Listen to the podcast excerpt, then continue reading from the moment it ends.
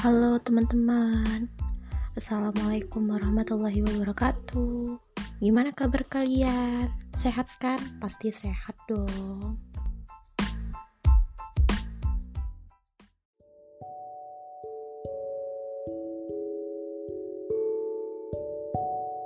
Alhamdulillah jika teman-teman semua dalam keadaan sehat walafiat dan dalam keadaan yang baik-baik saja dan semoga kita semua selalu dalam lindungan Allah Subhanahu wa taala supaya terhindar dari segala penyakit terutama wabah ini dan semoga wabah ini segera berakhir supaya kita bisa ngampus lagi, ketemu lagi, belajar bareng ya kan. Amin. Lalu kita langsung saja ya ke presentasinya. Oh, sebelum presentasi saya akan memperkenalkan dulu ya. Perkenalkan kami dari kelompok 6 kajian kurikulum yang beranggotakan saya Trinur Aini dan rekan saya ada Mas Utan, ada Mas Cecep, ada Bang Erik, ada Mas Yoga Hardi, ada Mbak Elvi, ada Mbak Indah Yunita, ada Mbak Marni, dan ada Mbak Aprisa. Ya langsung saja presentasi pertama akan dipresentasikan oleh Mas Sultan. Monggo Mas Sultan. Assalamualaikum warahmatullahi wabarakatuh. Pada bab satu ini kita akan membahas tentang kasus-kasus pelanggaran hak dan pengingkaran kewajiban warga negara. Nah, pada halaman pertama kita akan membahas tentang makna hak dan kewajiban warga negara. Kita harus bisa membedakan antara hak asasi manusia dan hak warga negara itu sendiri. Di sini kita akan membahas tentang hak itu sendiri. Hak merupakan semua hal yang diperoleh atau didapatkan manusia. Nah, untuk hak asasi manusia adalah hak yang melekat pada diri setiap pribadi manusia. Hak asasi manusia ini berbeda dengan hak warga negara, di mana hak asasi manusia merupakan hak yang bersifat universal. Sedangkan hak warga negara merupakan seperangkat hak yang melekat dalam diri manusia dalam kedudukannya sebagai anggota dari sebuah negara, serta hak warga negara ini dibatasi oleh status kewarganegaraannya. Dengan kata lain, tidak semua hak warga negara adalah hak asasi manusia. Kemudian, kewajiban. Untuk kewajiban itu sendiri secara sederhana dapat diartikan sebagai segala sesuatu yang harus dilaksanakan dengan penuh tanggung jawab. Artinya, kewajiban warga negara dapat diartikan sebagai tindakan atau perbuatan yang harus dilakukan oleh seseorang warga negara sebagaimana diatur dalam ketentuan perundang-undangan yang berlaku dan kewajiban warga negara ini dibatasi oleh status kewarganegaraan seseorang. Kita harus bisa membedakan antara kewajiban warga negara dan kewajiban asasi. Kita tadi sudah membahas tentang kewajiban warga negara. Untuk kewajiban asasi itu merupakan kewajiban dasar dari setiap orang. Dengan kata lain, kewajiban asasi terlepas dari status kewarganegaraan yang dimiliki oleh orang tersebut. Lanjut, masuk ke dalam hak dan kewajiban warga negara. Hak dan kewajiban warga negara merupakan dua hal yang saling berkaitan. Keduanya memiliki hubungan kausalitas atau hubungan sebab akibat. Artinya, seseorang mendapatkan hak karena kewajibannya dipenuhi. Serta selain itu, hak yang dapat atau hak yang didapatkan oleh seseorang sebagai akibat dari kewajiban yang dipenuhi oleh orang, orang lain. Di sini hak dan kewajiban warga negara juga tidak dapat dipisahkan. Karena bagaimanapun dari kewajiban itulah muncul hak dan begitu pun sebaliknya. Meskipun menjadi hak, tetapi pada kenyataannya di negara kita, Indonesia, banyak warga negara belum merasakan kesejahteraan dalam menjalani kehidupannya. Hal ini karena disebabkan oleh ketidakseimbangan antara hak dan kewajiban oleh warga negara itu sendiri. Sekian tentang makna hak dan kewajiban warga negara. Saya ucapkan terima kasih. Assalamualaikum warahmatullahi wabarakatuh. Mohon maaf atas segala kekurangannya. Baik, terima kasih kepada Mas Sultan sudah mempresentasikan materinya. Sekarang kita akan menuju ke materi yang selanjutnya yang akan dipresentasikan oleh Mas Erik. Monggo Mas Erik. Assalamualaikum warahmatullahi wabarakatuh. Baik, saya akan menyampaikan materi berkaitan dengan substansi hak dan kewajiban warga negara dalam Pancasila. Sebelumnya, maka kita harus mengetahui dulu apa itu substansi. Jadi, substansi itu seperti isi, pokok, atau inti. Nah, jika dikaitkan dengan subbab di atas tadi, maka kali ini kita akan membicarakan isi pokok atau inti dari kewajiban dan hak warga negara yang ada di dalam Pancasila. Menurut fungsi dan kedudukannya, Pancasila merupakan dasar negara Indonesia. Nah, artinya Pancasila menjadi pedoman pelaksanaan seluruh aspek kehidupan kenegaraan dan kebangsaan yang meliputi ekonomi, politik, terus pendidikan, dan sebagainya. Oh iya, selain itu, Pancasila juga memiliki fungsi-fungsi yang lain sesuai dengan bidangnya masing-masing. Nah, Pancasila juga dapat dikatakan sebagai ideologi bangsa Indonesia. Ideologi sendiri, menurut KBBI, Kamus Besar Bahasa Indonesia, merupakan sekumpulan konsep bersistem terus dijadikan sebagai asas untuk memberi arah dan tujuan masyarakat atau warga negara itu dalam kelangsungan hidupnya. Jadi di dalam Pancasila sebagai dasar negara mengandung nilai-nilai kemanusiaan. Nah, oleh karena itu, secara langsung maupun tidak langsung, Pancasila menjamin kemanusiaan itu melalui nilai-nilai Pancasila yang bisa dikategorikan menjadi tiga yaitu nilai dasar, nilai instrumental, dan nilai praksis. Baik, kita masuk ke nilai dasar. Nah, nilai dasar dalam konteks ideologi masuk dalam dimensi idealita. Jadi, nilai dasar merupakan suatu hal yang idealis atau yang dicita-citakan. Nah, nilai dasar Pancasila antara lain meliputi dari lima silanya sendiri. Jadi, ada ketuhanan, kemanusiaan, kesatuan atau persatuan, lalu kerakyatan, dan keadilan. Lalu keterkaitannya nilai dasar dengan hak dan kewajiban warga negara. Jadi nilai dasar ini seperti apa ya? Hmm, memberikan suatu ajakan atau idealisnya orang itu harus seperti apa. Nah, seperti kita tidak boleh memaksakan agama kita ke agama orang lain dan sebaliknya.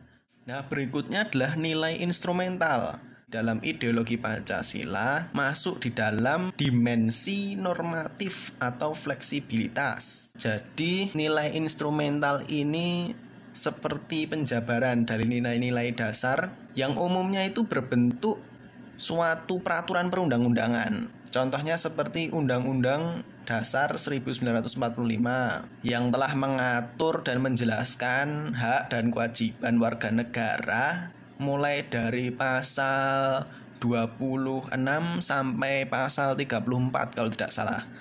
Selanjutnya yang terakhir adalah nilai praksis.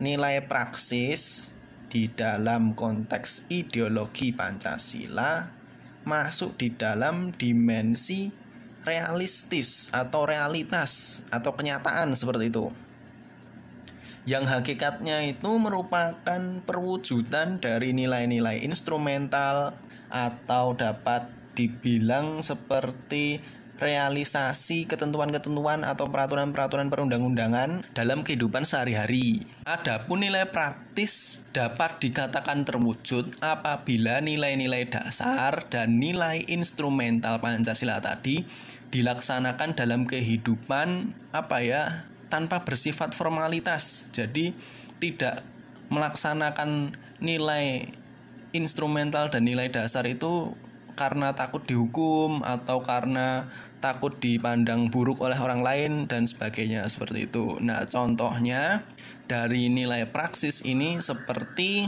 pada sila pertama contohnya ya.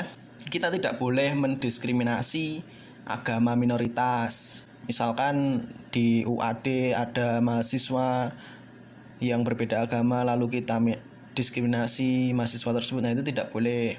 Kita harus menjunjung rasa saling tenggang rasa, toleransi, saling hormat menghormati dan ya tidak boleh mengekang seperti itulah. Atau dari nilai kemanusiaan dengan adanya mahasiswa tadi kita bisa melihat persamaan derajat antara kita dan mereka tidak boleh saling semena-mena karena dia minoritas terus kita tindas, kita intimidasi ya itu tidak boleh. Nah, seperti itu mungkin dari saya penjelasannya apabila kurang jelas maupun banyak terbata-bata mohon maaf karena ya ini merupakan proses untuk menjadi lebih baik. Oke, terima kasih. Wassalamualaikum warahmatullahi wabarakatuh. Terima kasih kepada Mas Erik yang telah mempresentasikan materinya. Mari kita lanjut ke materi selanjutnya yang akan dipresentasikan oleh Mbak Aprisa. Silahkan Mbak Aprisa. Assalamualaikum warahmatullahi wabarakatuh. Saya Aprisa Dayani akan menjelaskan materi dari bab 1 mengenai kasus pelanggaran hak dan pengingkaran pendidikan Pancasila dan kewarganegaraan kewajiban warga negara. Yang pertama yang saya akan jelaskan adalah penyebab terjadinya pelanggaran hak dan pengingkaran kewajiban dari warga negara. Dan enam ya, penyebabnya yang pertama adalah uh, sikap egois atau terlalu mementingkan diri sendiri. Sikap ini akan membuat orang-orang hanya menuntut uh, haknya aja gitu tanpa mementingkan hak orang lain. Yang kedua adalah rendahnya kesadaran berbangsa dan bernegara. Hal ini um, menyebabkan pelaku itu seenaknya aja dengan hak orang lain. Pelaku tidak mau tahu bahwa orang lain itu mempunyai hak juga yang harus dihormati. Yang ketiga, sikap tidak toleran. Sikap ini menyebabkan munculnya tidak saling menghargai. Dia hanya ingin dihargai tanpa melihat hak orang lain.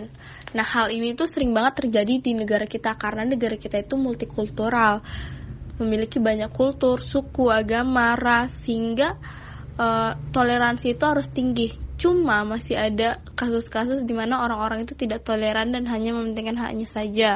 Yang keempat ada uh, penyalahgunaan kekuasaan di dalam masyarakat terdapat banyak kekuasaan berlaku. Banyak sekali ada penguasa-penguasa yang menyalahgunakan kekuasaannya untuk menindas orang-orang yang tidak punya kekuasaan sehingga dia berlaku seenaknya. Contohnya saja dengan mereka korupsi, itu kan penyalahgunaan kekuasaan dia terhadap uang rakyat. Selanjutnya adalah penyalahgunaan teknologi. Hal utama yang dilanggar dalam penyalahgunaan teknologi adalah privacy. Banyak banget privacy orang-orang tuh uh, udah nggak ada lagi karena teknologi udah maju sehingga hal ini harus dipahami bahwa tidak semua hal itu kita harus tahu kita harus tetap menghargai privasi orang lain tapi kita tetap juga harus mengikuti teknologi tanpa harus ikut campur terhadap privasi orang lain. Selanjutnya yang akan saya bahas adalah kasus pelanggaran hak di Indonesia. Misalnya adalah proses pendegakan hukum masih belum optimal dilakukan. Misalnya masih terjadi kasus salah tangkap atau yang saya bilang tadi penyalahgunaan kekuasaan orang-orang yang memiliki uang, yang memiliki kekuasaan, maka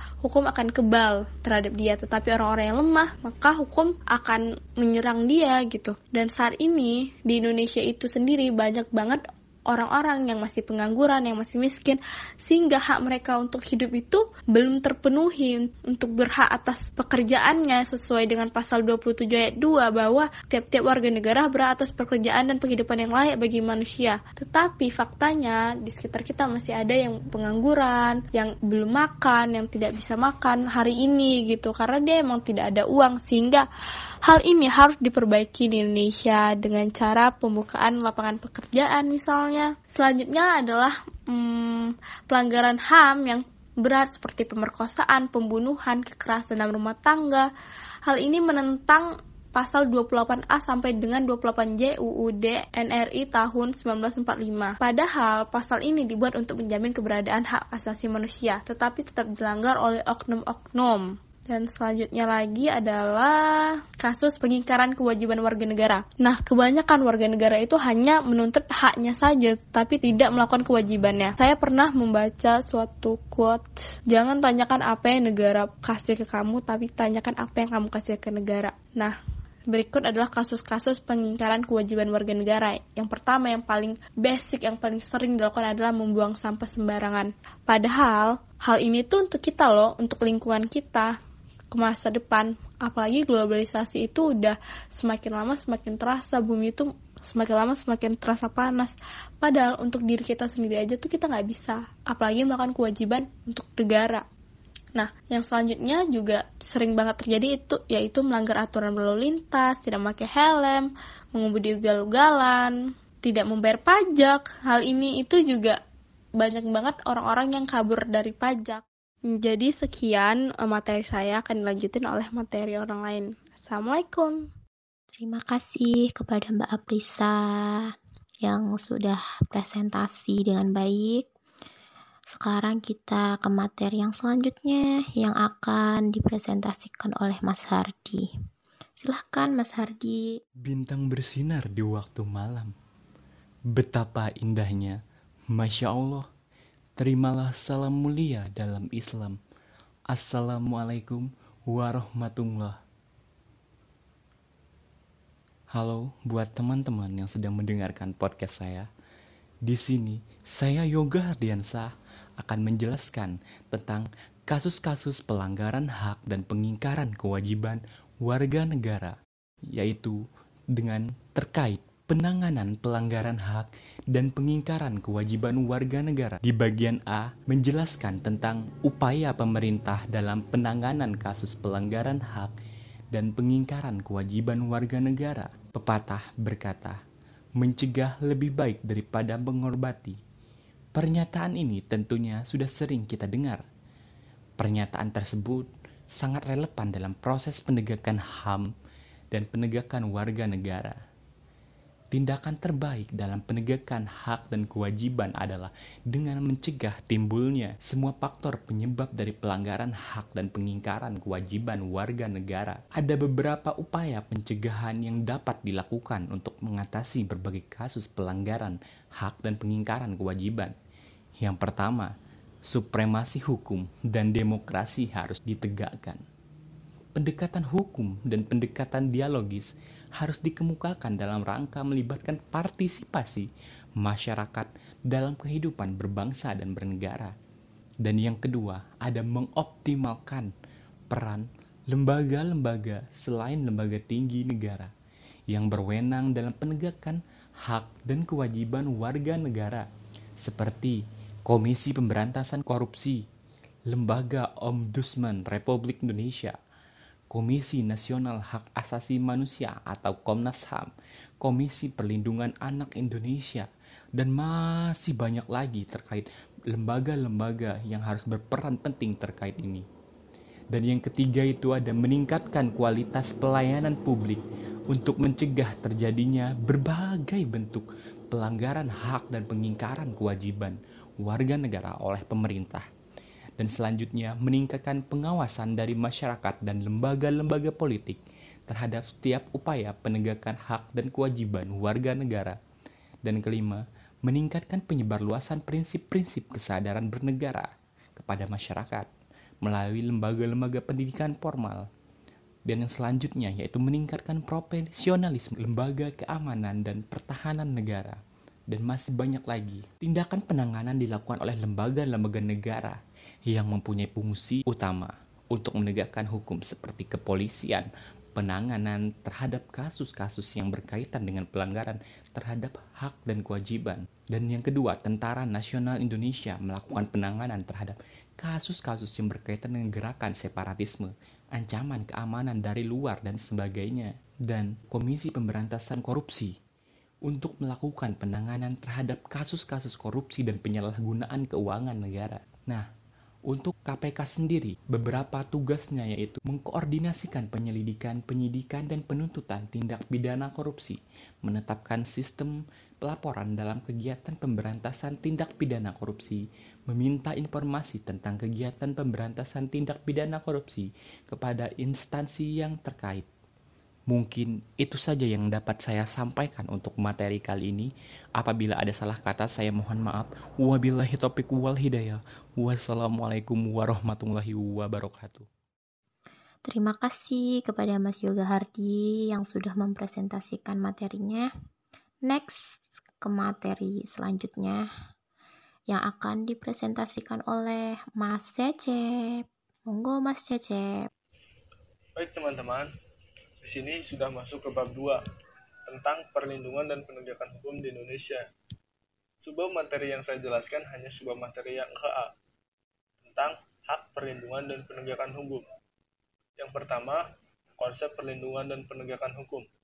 Menurut Andi Hamzah, perlindungan hukum dimaknai sebagai daya upaya yang dilakukan secara sadar oleh setiap orang maupun lembaga pemerintah dan swasta yang bertujuan mengusahakan pengamanan penguasaan, dan pemenuhan kesejahteraan hidup sesuai dengan hak-hak asasi yang ada. Makna tersebut tidak terlepas dari fungsi hukum itu sendiri, yaitu untuk melindungi kepentingan manusia. Suatu perlindungan dapat dikatakan perlindungan hukum apabila mengandung unsur-unsur berikut. Yang pertama, adanya perlindungan dari pemerintah kepada warganya. Yang kedua, jaminan kepastian hukum. Yang ketiga, berkaitan dengan hak-hak warga negara. Dan yang terakhir keempat, adanya sanksi hukuman bagi pihak yang melanggarnya. Hukum dapat secara efektif menjalankan fungsinya untuk melindungi kepentingan manusia apabila ditegakkan. Dengan kata lain, perlindungan hukum dapat terwujud apabila proses penegakan hukum dilaksanakan. Proses penegakan hukum merupakan salah satu upaya untuk menjadikan hukum sebagai pedoman dalam setiap perilaku masyarakat maupun aparat atau lembaga penegak hukum. Dengan kata lain, penegakan hukum merupakan upaya untuk melaksanakan ketentuan-ketentuan hukum dalam berbagai macam bidang kehidupan. Yang kedua, pentingnya perlindungan dan penegakan hukum. Perlindungan dan penegakan hukum sangat penting dilakukan karena dapat mewujudkan hal-hal berikut. Yang pertama, tegaknya supremasi hukum. Supremasi hukum bermakna bahwa hukum mempunyai kekuasaan mutlak dalam mengatur pergaulan manusia dalam berbagai macam kehidupan. Yang kedua, tegaknya keadilan. Tujuan utama hukum yakni mewujudkan keadilan bagi warga negaranya. Setiap warga negara dapat menikmati haknya dan melaksanakan kewajibannya merupakan wujud dari keadilan tersebut. Hal itu dapat terwujud apabila aturan-aturan ditegakkan. Yang ketiga, mewujudkan perdamaian dalam kehidupan di masyarakat. Perdamaian akan terwujud apabila setiap orang merasa dilindungi dalam segala bidang kehidupan. Hal itu akan terwujud apabila aturan-aturan yang berlaku dilaksanakan. Menurut Surjono Sukanto, keberhasilan proses perlindungan dan penegakan hukum tidaklah semata-mata menyangkut ditegakkannya hukum yang berlaku. Akan tetapi sangat tergantung beberapa faktor. Yang pertama, ada hukumannya. Dalam hal ini, undang-undang yang diatur tidak boleh bertentangan dengan ideologi negara. Kemudian juga harus menurut ketentuan yang mengatur kewenangan pembuatan undang-undang sebagaimana diatur dalam konstitusi negara serta harus dibuat sesuai dengan kebutuhan dan kondisi masyarakat setempat. Yang kedua, penegak hukum. Penegak hukum harus menjalankan tugasnya dengan baik sesuai dengan perannya masing-masing yang telah diatur dalam peraturan perundang-undangan. Menjalankan tugas tersebut dilakukan dengan mengutamakan keadilan dan profesionalisme sehingga menjadi panutan masyarakat serta dipercaya oleh semua pihak termasuk semua anggota masyarakat. Yang ketiga, masyarakat. Warga masyarakat harus mengetahui dan memahami hukum yang berlaku serta menaati hukum yang berlaku dengan penuh kesadaran akan pentingnya dan perlunya hukum bagi kehidupan masyarakat. Yang keempat, sarana atau fasilitas yang mendukung penegakan hukum. Mencakup penegakan manusia yang terdidik dan terampil, organisasi yang baik, peralatan yang memadai, serta keuangan yang cukup. Yang terakhir, kebudayaan. Kebudayaan mencakup nilai-nilai yang mendasari hukum yang berlaku. Nilai-nilai mana merupakan konsepsi-konsepsi abstrak mengenai apa yang dianggap baik sehingga dianut dan apa yang dianggap buruk sehingga dihindari. Demikian saja teman-teman penjelasan mengenai subbab materi yang A mengenai hakikat perlindungan dan penegakan hukum. Terima kasih. Baik, terima kasih kepada Mas Cecep yang telah mempresentasikan materinya. Next, materi selanjutnya saya yang akan mempresentasikan, yaitu melanjutkan materi dari Mas Cecep. Saya akan mempresentasikan materi subbab B tentang peran Badan Pemeriksa Keuangan menurut Undang-Undang Dasar Negara Republik Indonesia tahun 1945. Yang pertama dulu nih, ketentuan konstitusional tentang Badan Pemeriksa Keuangan atau yang sering disebut BPK. BPK itu apa? BPK itu lembaga negara dalam sistem ketatanegaraan Indonesia yang memiliki wewenang memeriksa pengelolaan dan tanggung jawab keuangan negara. Jadi BPK itu tuh fungsinya, wewenangnya itu mengelola dan bertanggung jawab atas keuangan negara. Dan menurut Undang-Undang Dasar 1945, BPK merupakan lembaga yang bebas dan mandiri Lalu anggota BPK itu dipilih oleh DPR dan diresmikan oleh Presiden. Lalu penggunaan keuangan negara juga harus dikontrol. Nah, yang ngontrol dan yang bertanggung jawab atas penggunaan uang tersebut yaitu BPK. Jadi fungsi BPK itu mengontrol penggunaan keuangan dan mempertanggungjawabkan penggunaan keuangan negara.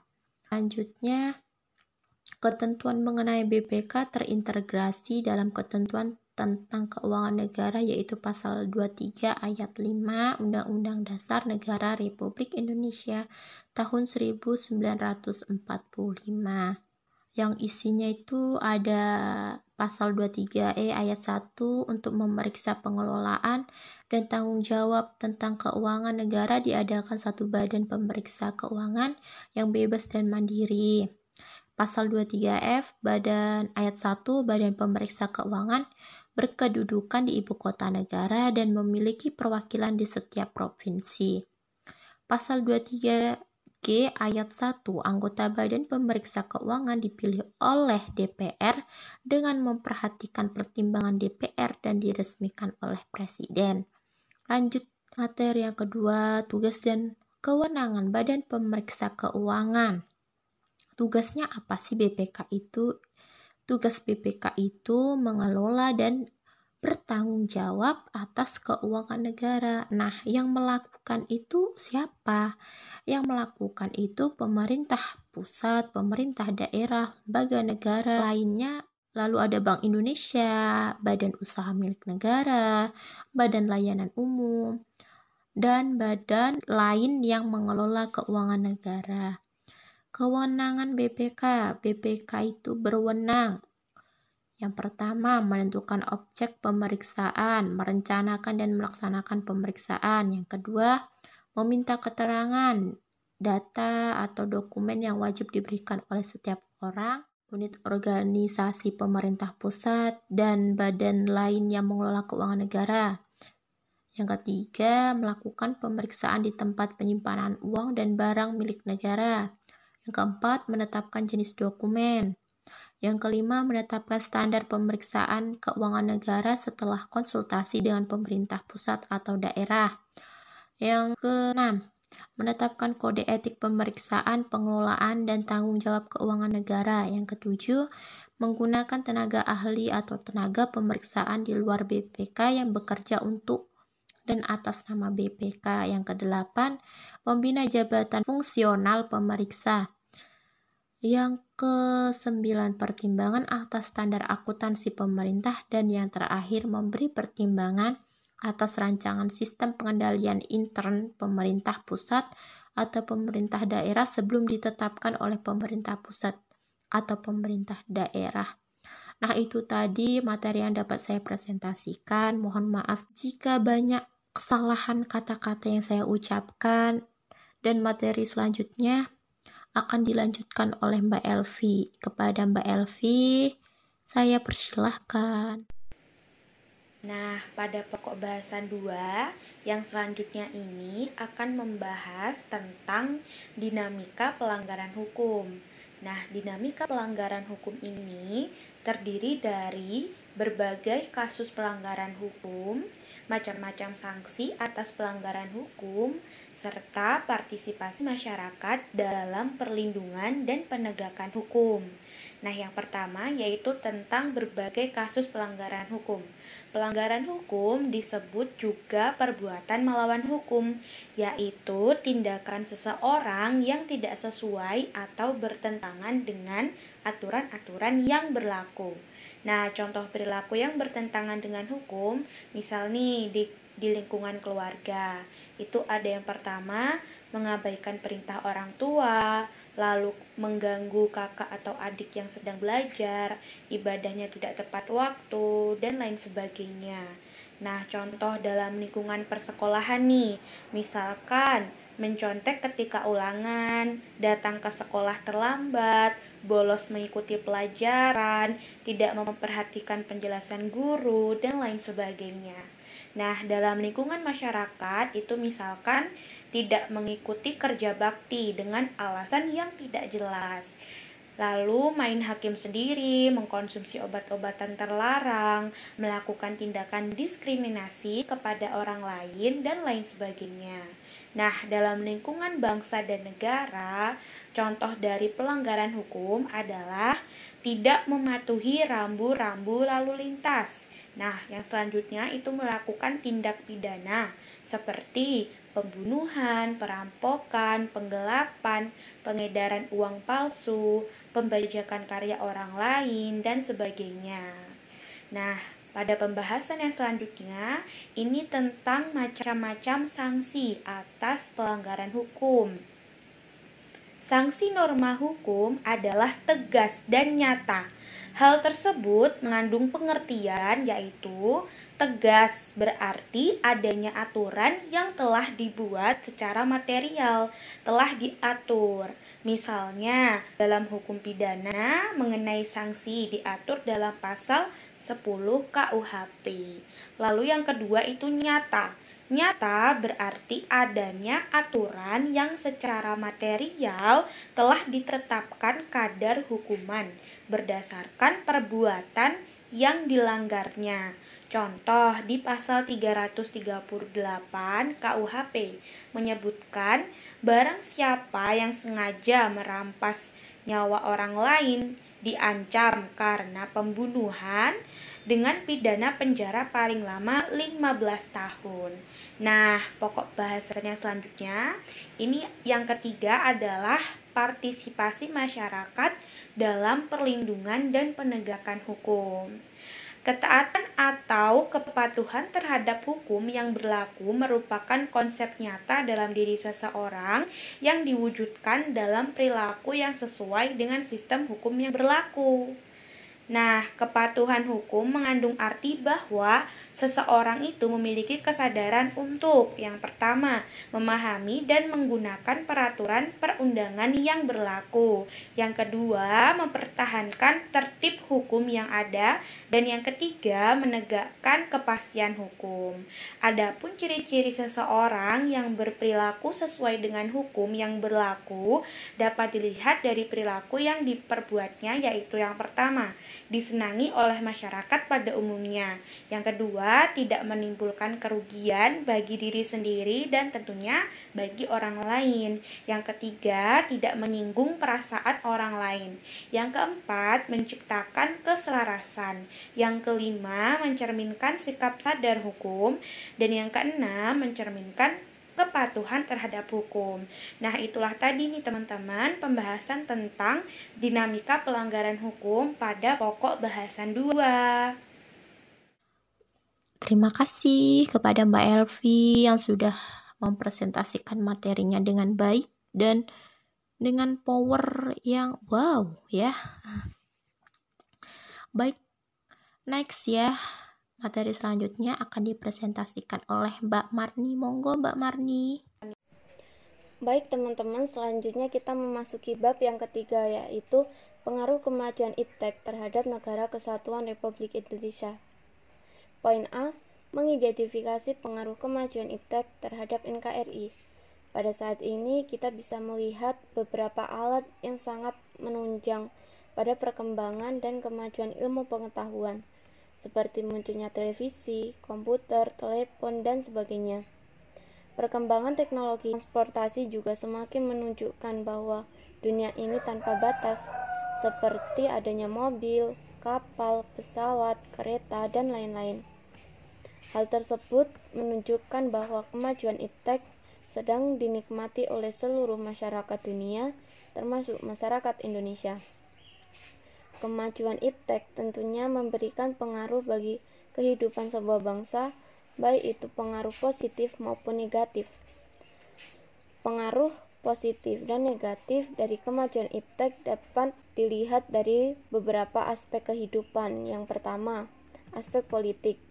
Dampak positif iptek dan politik yaitu memberikan dorongan yang besar terhadap konsolidasi demokrasi di banyak negara, hubungan diplomatik antar negara, adanya peranan besar rakyat dalam pengembangan pemerintahan dan dapat tersampainya informasi dan berita mengenai politik individu atau kelompok secara cepat. Dampak negatif iptek di bidang politik yaitu negara tidak lagi dianggap sebagai pemegang kunci dalam proses pembangunan, adanya berbagai ancaman yang menyebabkan disintegrasi bangsa dan juga negara akan menggoyahkan NKRI dan timbulnya unjuk rasa yang semakin berani dan juga terkadang mengakibatkan kepentingan umum. Yang kedua yaitu aspek ekonomi. Dampak positif iptek di bidang ekonomi yaitu meningkatnya investasi asing, terbukanya pasar internasional, meningkatkan kemakmuran masyarakat, dan menyediakan dana tambahan untuk pembangunan ekonomi. Dampak negatif iptek di bidang ekonomi yaitu Indonesia akan dibanjiri oleh barang-barang dari luar negeri, timbulnya kesenjangan sosial, pemerintah hanya sebagai regulator pengaturan ekonomi yang mekanismenya hanya ditentukan oleh pasar, dan sektor-sektor ekonomi rakyat yang diberikan subsidi semakin berkurang. Yang ketiga yaitu aspek sosial budaya. Dampak positif iptek di bidang sosial budaya yaitu dengan munculnya internet dan makin canggihnya alat-alat komunikasi secara langsung telah mempermudah dan memperoleh informasi dari belahan bumi lainnya. Sehingga secara tidak langsung kita telah melakukan proses transformasi ilmu yang sangat bermanfaat.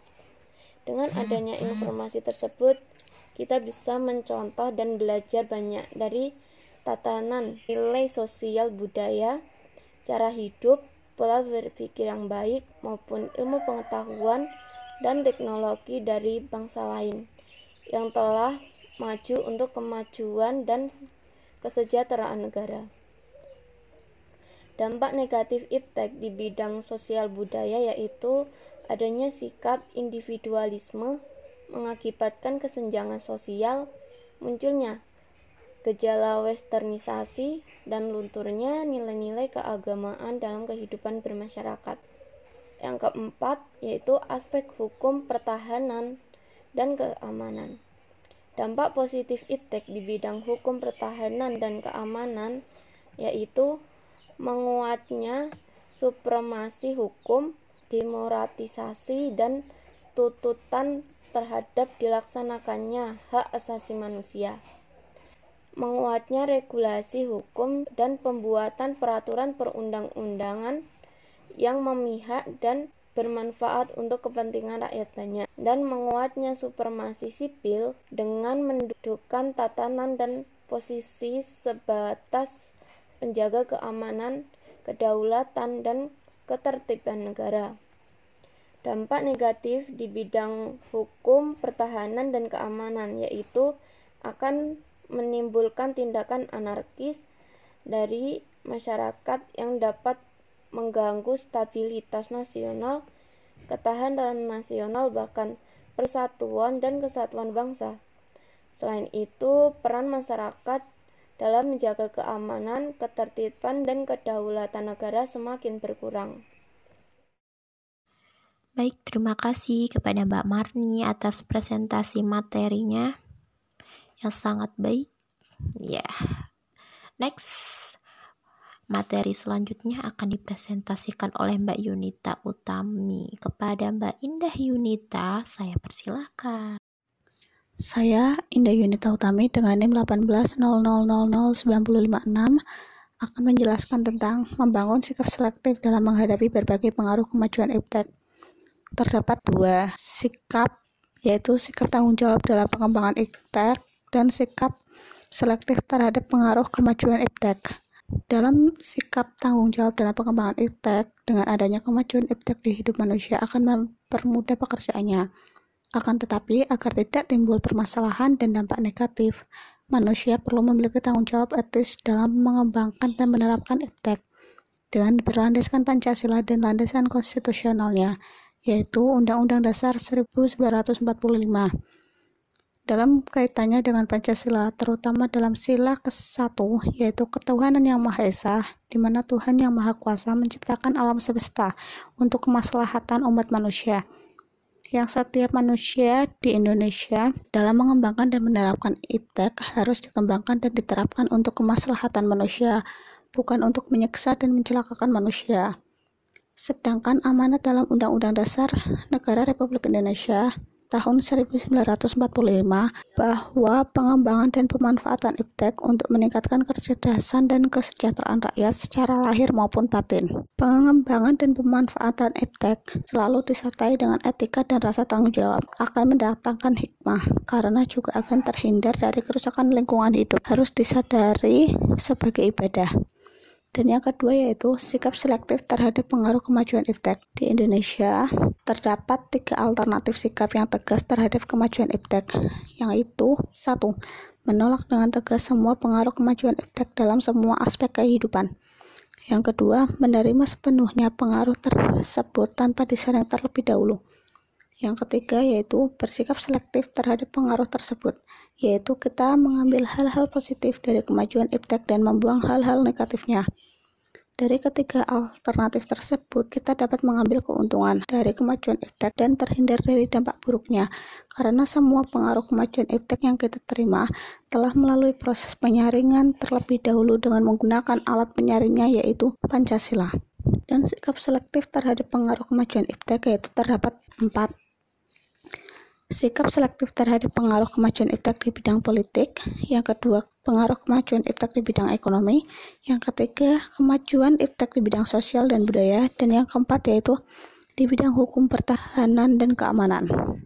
Dalam sikap selektif pengaruh kemajuan iptek di bidang politik, terdapat empat hal yang selalu dikedepankan pada saat di bidang politik, yaitu demokratisasi, kebebasan, keterbukaan, dan hak asasi manusia di Indonesia menerapkan menganut paham demokrasi Pancasila, sehingga terciptanya pemerintahan yang kuat, mandiri, dan tahan uji, serta mampu mengelola konflik kepentingan yang dapat menghancurkan persatuan dan kesatuan. Apalagi bangsa Indonesia sebagai negara pluralistik dapat memperteguh wawasan kebangsaannya melalui sebagian Bhinneka Tunggal Ika. Yang kedua yaitu sikap selektif terhadap pengaruh kemajuan iptek di bidang ekonomi, yang merupakan senjata ampuh untuk melumpuhkan pengaruh negatif dari kemajuan iptek dan memperkuat kemandirian bangsa dengan mewujudkan. Pertama, sikap ekonomi dikembangkan untuk memperkuat produksi domestik untuk pasar dalam negeri sehingga memperkuat perekonomian rakyat. Yang kedua, pertanian dijadikan prioritas utama karena mayoritas penduduk Indonesia bermata pencaharian sebagai petani.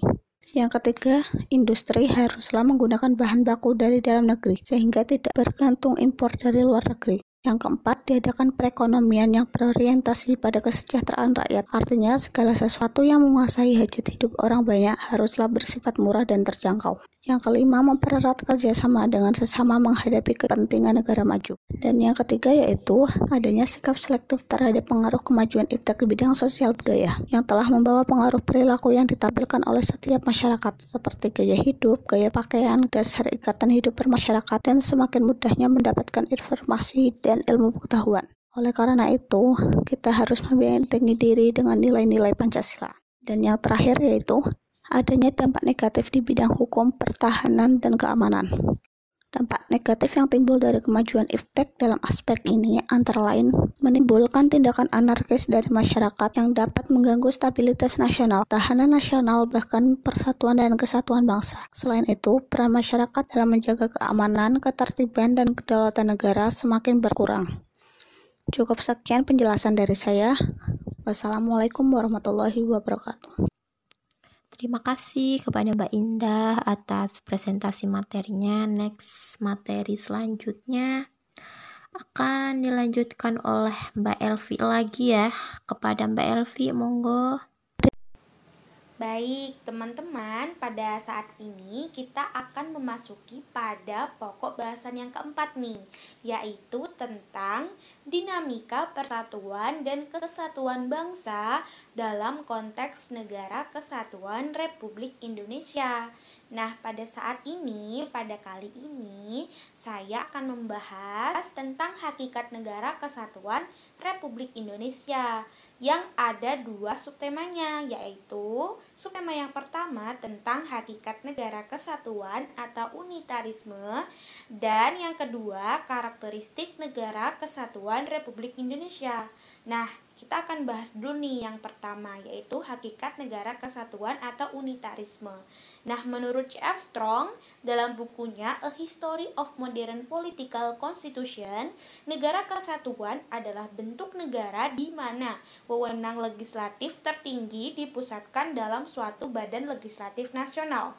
Kekuasaan negara dipegang oleh pemerintah pusat pemerintah pusat dapat menyerahkan sebagian kekuasaannya kepada daerah berdasarkan hak otonomi. Tetapi pada tahap terakhir kekuasaan tetap berada di tangan pemerintah pusat. Negara kesatuan mempunyai dua sistem, yaitu sistem sentralisasi dan sistem desentralisasi. Dalam negara kesatuan yang bersistem sentralisasi, semua hal diatur dan diurus oleh pemerintah pusat, sedangkan daerah hanya menjalankan perintah-perintah dan peraturan-peraturan dari pemerintah pusat. Daerah tidak berwenang nih untuk membuat peraturan-peraturan sendiri atau mengurus rumah tangganya sendiri.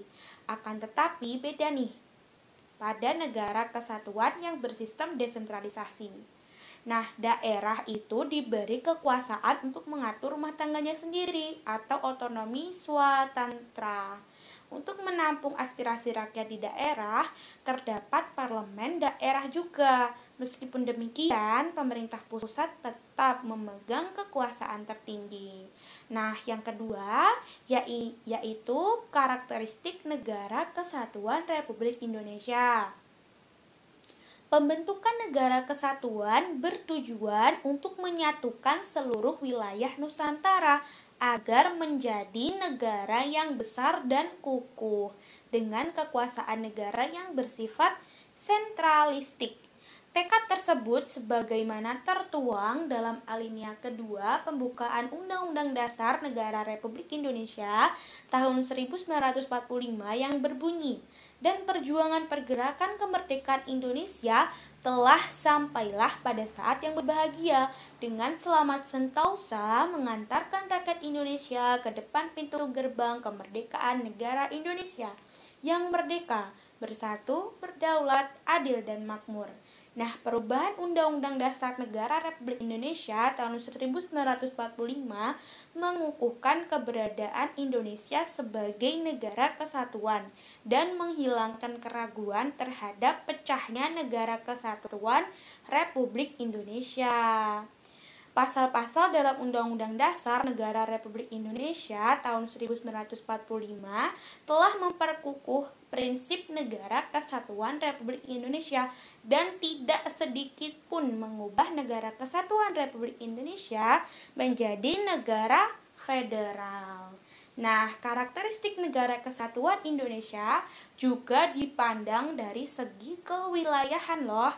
Nah, di pasal 25A Undang-Undang Dasar Negara Republik Indonesia tahun 1945 menentukan bahwa Negara Kesatuan Republik Indonesia adalah sebuah negara kepulauan yang berciri Nusantara dengan wilayah yang batas-batas dan hak-haknya ditetapkan oleh undang-undang. Nah, istilah Nusantara dalam ketentuan tersebut dipergunakan untuk menggambarkan kesatuan wilayah perairan dan gugusan pulau-pulau Indonesia yang terletak di antara Samudra Pasifik dan Samudra Indonesia serta di antara benua Asia dan benua Australia. Nah, kesatuan wilayah tersebut juga mencakup yang pertama, kesatuan politik, kemudian kesatuan hukum, yang ketiga, kesatuan sosial budaya, yang keempat, kesatuan ekonomi, serta yang kelima, kesatuan pertahanan dan keamanan. Nah, dengan demikian, meskipun wilayah Indonesia terdiri atas ribuan pulau, tetapi semuanya terikat dalam satu kesatuan negara, yaitu Negara Kesatuan Republik Indonesia. Nah, seperti itu tadi teman-teman penjelasan di hakikat Negara Kesatuan Republik Indonesia pada pokok bahasan yang keempat. Terima kasih Mbak Elvi. Dan sekarang giliran yang terakhir ya. Materi terakhir akan dipresentasikan kembali oleh Mas Yoga Hardi. Kepada Mas Yoga, saya persilahkan. Assalamualaikum warahmatullahi wabarakatuh. Kembali lagi bersama saya Yoga Hardiansah dan di sini saya akan kembali membahas salah satu materi yaitu tentang persatuan dan kesatuan bangsa Indonesia dari masa ke masa. Proses mempertahankan keberadaan negara kesatuan Republik Indonesia mengalami dinamika yang sangat menarik untuk dikaji. Persatuan dan kesatuan bangsa yang menjadi modal utama untuk mempertahankan NKRI ternyata tidak selamanya berdiri kukuh persatuan dan kesatuan bangsa ini dalam perwujudan sangat dinamis.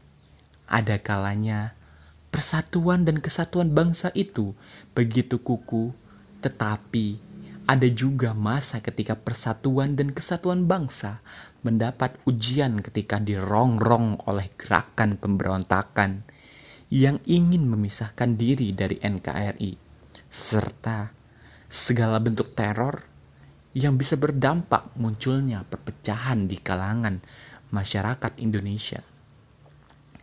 Berikut ini saya akan memaparkan dinamika persatuan dan kesatuan bangsa dari masa ke masa. Yang pertama, persatuan dan kesatuan bangsa pada masa revolusi kemerdekaan 18 Agustus 1945 sampai dengan 27 Desember 1949 pada periode ini, bentuk NRI adalah kesatuan dengan bentuk pemerintahan adalah republik yang mana presiden berkedudukan sebagai kepala pemerintahan sekaligus sebagai kepala negara. Oleh karena itu, PPKI dalam Undang-Undang Dasar 1945 mencantumkan dua ayat aturan tambahan yang menegaskan bahwa dalam enam bulan sesudah berakhirnya peperangan Asia Timur Raya, Presiden Indonesia mengatur dan menyelenggarakan segala hal yang ditetapkan dalam Undang-Undang Dasar ini dalam enam bulan setelah Majelis Permusyawaratan Rakyat dibentuk. Majelis itu bersidang untuk menetapkan Undang-Undang Dasar Negara Republik Indonesia Pemerintah membentuk kabinet presidensial kembali pada 27 Juni 1947 sampai 3 Juli 1947. Namun, atas desakan dari beberapa partai politik, Presiden Soekarno kembali membentuk kabinet parlementer dan selanjutnya yaitu Persatuan dan Kesatuan Bangsa pada masa Republik Indonesia Serikat 27 Desember 1949 sampai dengan 17 Agustus 1950. Federalisme pernah diterapkan di Indonesia pada rentang 27 Desember 1949 sampai 17 Agustus 1950 ini. Pada masa ini, yang dijadikan sebagai pegangan adalah Konstitusi Republik Indonesia Serikat tahun 1949 yang sudah kita ketahui dan banyak terjadi pemberontakan di era ini. Dan yang selanjutnya persatuan dan kesatuan bangsa pada masa demokrasi liberal 17 Agustus 1950 sampai dengan 5 Juli 1959 pada periode ini Indonesia menggunakan Undang-Undang Dasar Sementara Republik Indonesia tahun 1950 yang dikenal dengan UUD 1950. Pada periode ini juga terjadi beberapa gerakan separatis di berbagai daerah yang ada di Indonesia. Dan selanjutnya, Persatuan dan Kesatuan Bangsa pada masa Orde Lama 5 Juli 1959 sampai dengan 11 Maret 1966. Dan di sini juga banyak terjadi pertikaian antar masyarakat dan selanjutnya Persatuan Kesatuan pada masa Orde Baru 11 Maret 1966 sampai dengan 21 Mei 1998 dan Persatuan dan Kesatuan pada masa Reformasi periode 21 Mei 1998 sampai sekarang. Periode ini disebut dengan era reformasi. Terima kasih. Baik, terima kasih kepada Mas Yoga Hardi dan kepada teman-teman semuanya yang telah berpartisipasi dan bekerja sama untuk menyelesaikan tugas ini. Sekian presentasi dari kami. Jika ada kesalahan dan kekurangannya, mohon dimaafkan karena kami hanyalah manusia biasa, ya, yang masih banyak salahnya. Jadi mohon dimaklumi dan dimaafkan. Oke, sekian dan sampai jumpa tahun depan. Amin. Wassalamualaikum warahmatullahi wabarakatuh.